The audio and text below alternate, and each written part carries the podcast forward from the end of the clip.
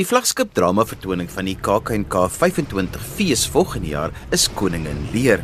Dis natuurlik Antjie Krog se vertaling van Tom Lenoir se herverbeelding van die klassieke Shakespeare werk. So het die oorspronklike werk geklink. Er doemt een monster aan de einde op, waarvan geen mens de omvang kan beschrijven. Ik deel ons patrimonium in drieën. Dus zeg mijn lieve zonen, wie houdt het meest van mij? Uw moeder. Die krijgt de duurste portefeuilles. Moeder, ik hou meer van u dan woorden dat verwoorden kunnen. Voor mij heeft niets ter wereld zoveel waarde, moeder. Ik houd van u zoals een zoon betaamt, niet meer, niet min. Vernedering en zelfverheerlijking. Er zijn onderzoekers. allemaal! Martinus Beson is die regisseur met onder andere Antoinette Kellerman, Anne-Mart van der Merwe, Rolanda Maree en Niels van Jaarsveld in die rolverdeling. Ons kuier vandag by die eerste deurspeel van die produksie na 3 weke van repetisie en ek gesels met Martinus Beson. Deurspeel is 'n grandiose woord onder hierdie omstandighede so. Koningin Lear, mens trek parallelle na King Lear toe. Dit is inderdaad 'n verwerking van uh, King Lear uh wat hom gedoen het in opdrag vir 'n teater in Nederland en dit is vir sewe mense so dit fokus op uh leer in hierdie geval 'n vrou uh captain of industry wat 'n enorme wêreldwye onderneming het en uh sy kom op 'n stadium waar sy voel die mag is besig om so te verander dat sy wil onderverdeel om homself te beskerm en uiteraard wil sy dit net verdeel tussen die kinders. En die kinders uh, twee van die seuns is getroud die derde een nie.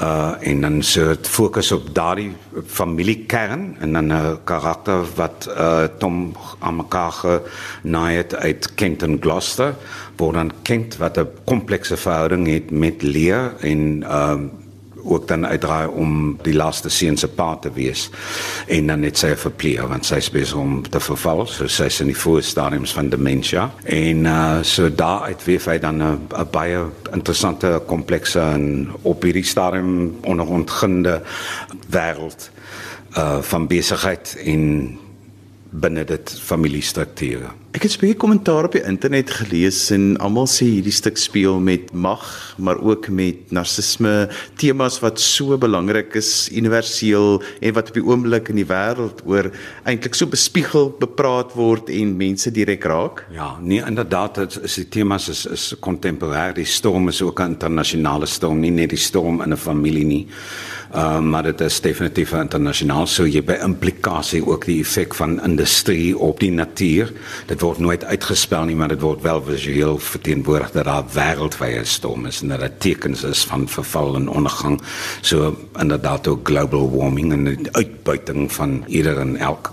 So en die uitbuiting binne 'n familie van mekaar en dan uiteraard vir enige iemand wat 'n uh, ouer het wat besig is om te taan in 'n lewe wat allerlei besluite mee om kom is geneig om altyd die die die die krake binne 'n familie baie vinnig te laat bars. So uh, dit kyk baie diep daarna. Ons is nou maar besig om nog te krap aan die aan die oppervlak. Jy het 'n fenominale om jou woord grandiose te gebruik, 'n rolverdeling bymekaar gesit vir hierdie stuk. Vertel bietjie vir ons. Ja, is 'n rolverdeling. Ons werk baie hard en ons hoop dat ons daar sal kom. Antoinette Kellerman speel koningin Lee.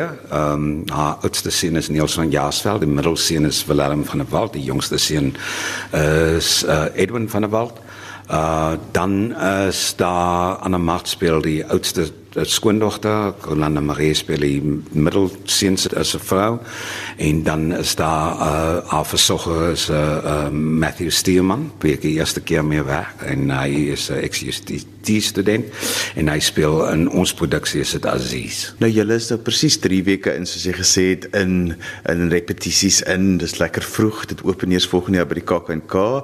So vir oggend wat ons nou 'n deurspeel gaan ervaar, wat waarvoor hou jou hart vas? Wat met vanoggend gebeur? Wel, ek hoop dit het soort van 'n begin, 'n middel en 'n einde en iets wat van 'n storie, want die teks is ongelooflik kompleks en dig, jy sal hoor en is verskriklik baie besigheidsterme en en akteurs is nie noodwendig vertrou daarmee nie. En hierdie lê in vyfvoetige jambes uh wat 'n hele ander ander dissipline veg. So ons is het tot dit dusver eintlik maar nog net gestry met dit en net om dit mooi en lig te stel. Enige ander stuk wat uh 'n uur lank speel kry ook 3 weke repetisie. So ons het 3 weke en dan 'n optelweek vir dinge. So ons moet verskriklik hard werk om te kom waar ons is.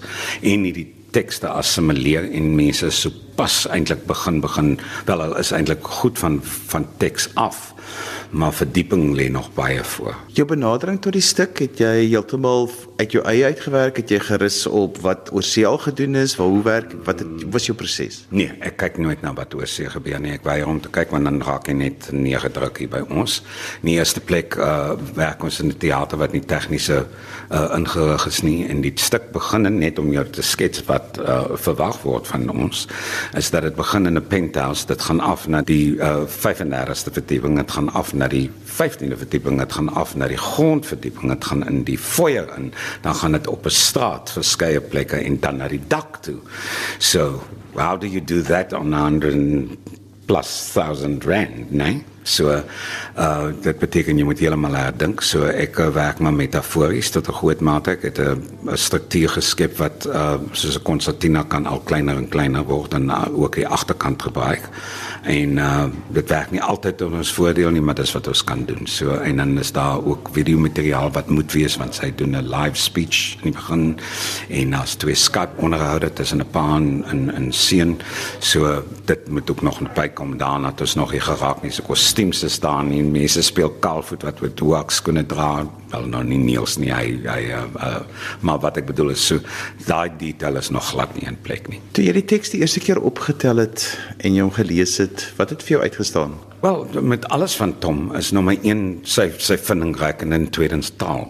En ehm um, dit maak dit 'n verskriklik opwindend en is verskriklik uitdagend.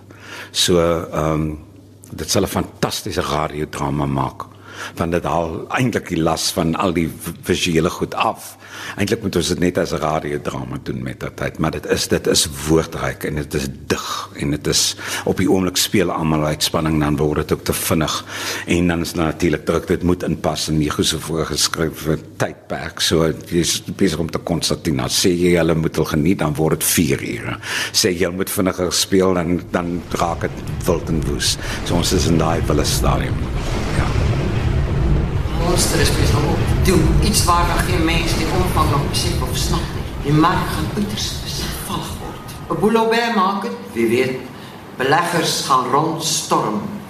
Als lyk na Ponzi schemes. Die wisselkoerse jou jou rond en bond, een borrel knal, die ander een kapot. Geen aging funds, geen aandele pakket, geen sakebank en niemand gee krediet, geen government bonds, die currencies besmet. En wanneer die duining tsunamies word, is iets van ons natuur die eerste prooi. Ek gesels met Tom Lenoir. Tom, jy het die stuk Koningin Lear geskryf. Gee 'n bietjie vir ons die agtergrond tot die stuk. Die agtergrond is Shakespeare, né?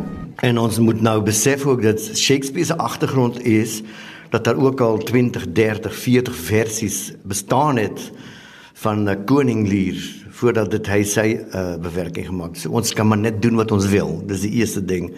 Tweede is natuurlik dat is 'n middeleeuse stuk. Dit gaan oor die middeleeue en dit is 'n 'n renaissance 'n toneelstuk oor die middeleeue. Nou ons het dit omgekeer. Dit was 'n vraag vir 'n beroemde aktrise wat 'n boetie is vir my.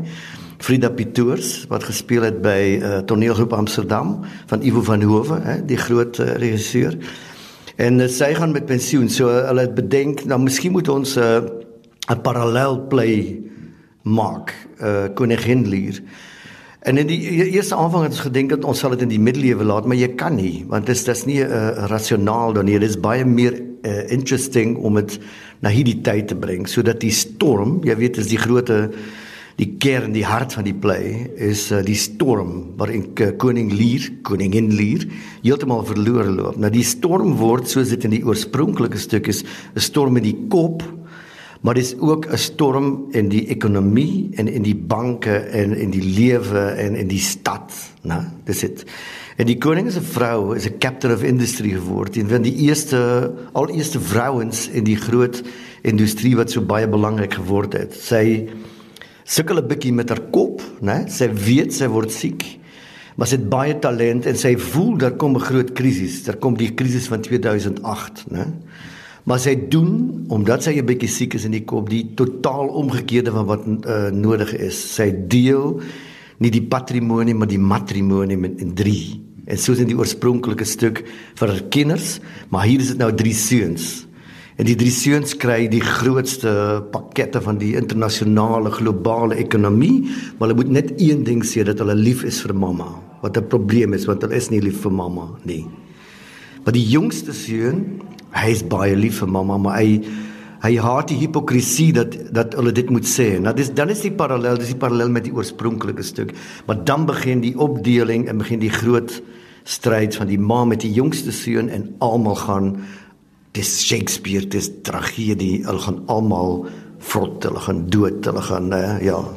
Nou die stuk speel met temas van mag, narcisme, al daardie tipe goed, maar ook stukte en al die ehm um, kommentaar wat ek gelees het sê dit spreek ook tot nou vandag. Ja. Dit raak net al hoe belangriker.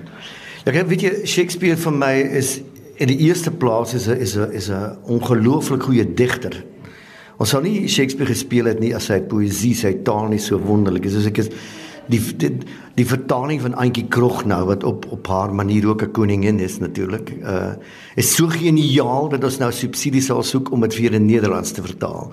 So die eet die taal is belangrik, hè. 2 Uh hy is 'n groot dramaturg maar ook van die lewe. So die groot probleme van die lewe en ekonomie dit bly altyd dieselfde, maar dit ek dink soos by alle toneelstukke jy moet dit aktualiseer op die juiste manier. Dit wil nie sê dat jy noodwendig moet doen wat ons nie gedoen het, maar as 'n toneelstuk maar net praat soos 'n 'n 'n 'n kunstobjek uit 'n museum praat en ekskuus tog my af die Vlaams, maar ek hoop julle verstaan my.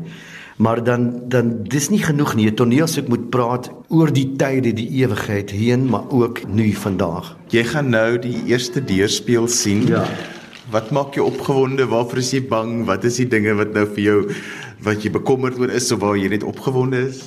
Listen, actually I'm an I'm an uh, a, a failed actor, né? Ek is so heeltemal jaloers vir die groot akteurs en die akteurs wat julle het. Jy moet nou net sê dis nie vleiery nie, maar Ek het so groot bewondering vir uh, ook Martinus die regisseur en mense soos Antoinette Kellerman en al die ander.